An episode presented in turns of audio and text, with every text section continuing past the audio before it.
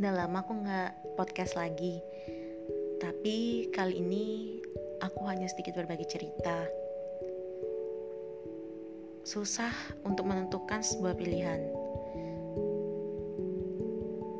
Sulit untuk menentukan apakah kita harus pulang atau tetap bertahan.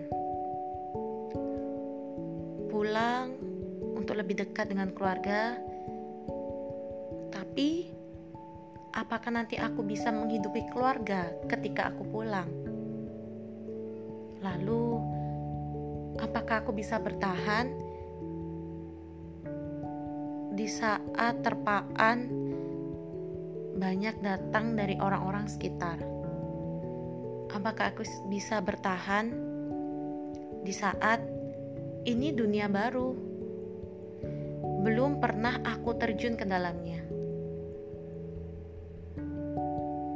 Pasang surut sudah saya lewati.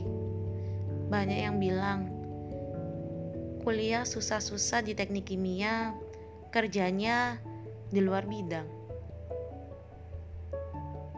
Banyak yang bilang, ngapain dulu SMK juga ngambil kimia, tapi nyatanya sekarang kerja di luar bidang.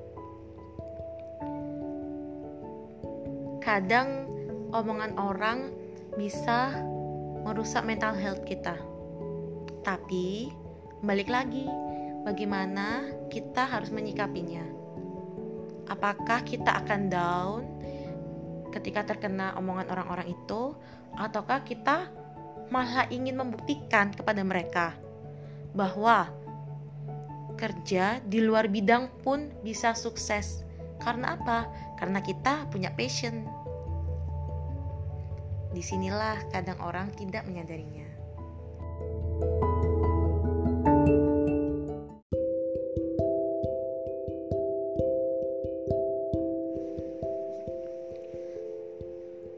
Ketika aku belajar ke dalamnya dan mendobrak zona nyamanku, di situlah terlihat bahwa sebenarnya ya ini passionku ketika aku bisa berelasi dengan orang-orang ketika aku bisa memecahkan bagaimana kendala orang tersebut mengkoordinasikan ke semua lini di perusahaan hingga si klien pun merasa senang bahkan ketika aku berkunjung atau visit ke klien selalu ditanya uh, Mbak Nina jurusannya apa ya? Ya selalu aku bilang, saya teknik kimia ibu. Loh, kok bisa kerja kayak gini? Balik lagi, ibu pasti tahu karena ibu seorang HR. Pasti ibu tahu bahwa bekerja juga perlu passion. Nah, di sinilah kadang kita terlalu gengsi untuk mengakuinya. Kadang ada orang yang harus benar-benar spesialis. Bukan itu bukan berarti dia jelek tapi bagus kalau memang dia ingin ke spesialisasi tadi tapi kalau aku adalah mindsetnya kenapa aku nggak mencoba hal baru? Ya siapa tahu.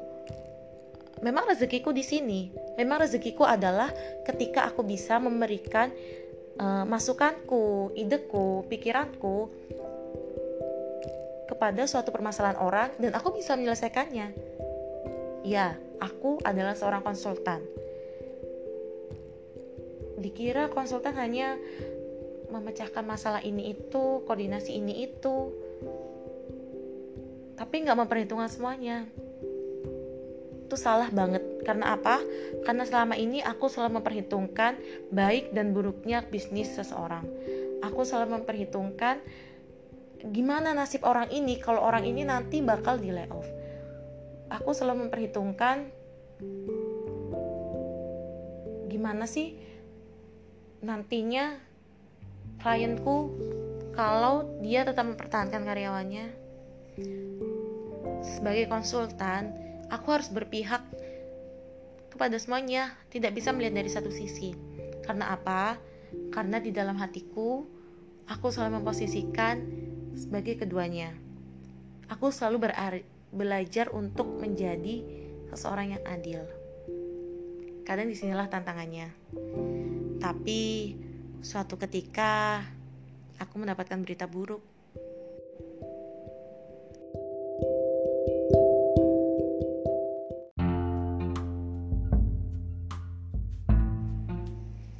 Pengumuman itu hadir, dan di saat itu aku lagi benar-benar nyaman, lagi benar-benar udah kayak menjiwai pekerjaanku. Bahkan jujur aja, meskipun aku sudah berada di posisi itu tapi aku masih tetap cari kerja yang sesuai jurusanku. Bahkan aku ikut sertifikasi aku ikut webinar seperti itu yang satu jurusan.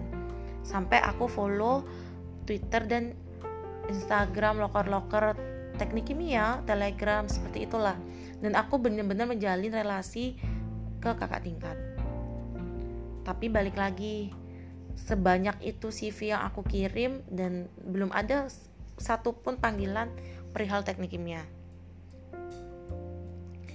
Uh, kembali lagi ke topik.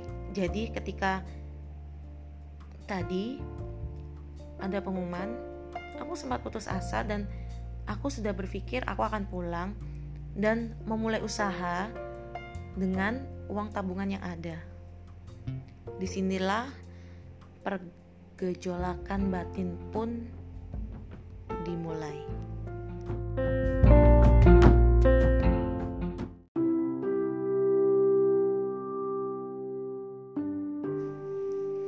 Kemudian saat itu ada pengumuman kalau aku disuruh untuk presentasi kembali.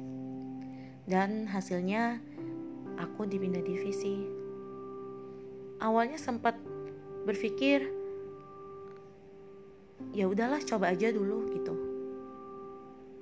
Toh nggak ada salahnya aku mencoba. Barangkali memang di sini Allah ngasih aku kesempatan lagi buat belajar hal baru. Yang mungkin kalau aku di lab aja aku akan monoton mengerjakan hal itu. Mungkin kalau aku sebagai seorang proses engineer aku hanya monoton untuk menghitung itu itu saja gitu.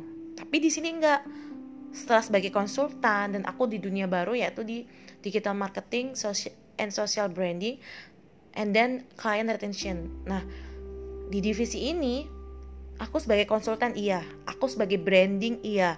Aku sebagai marketing iya. Dan di sini benar-benar untuk public speaking aku diolah gitu. Benar-benar untuk aku challenge ke hal yang baru.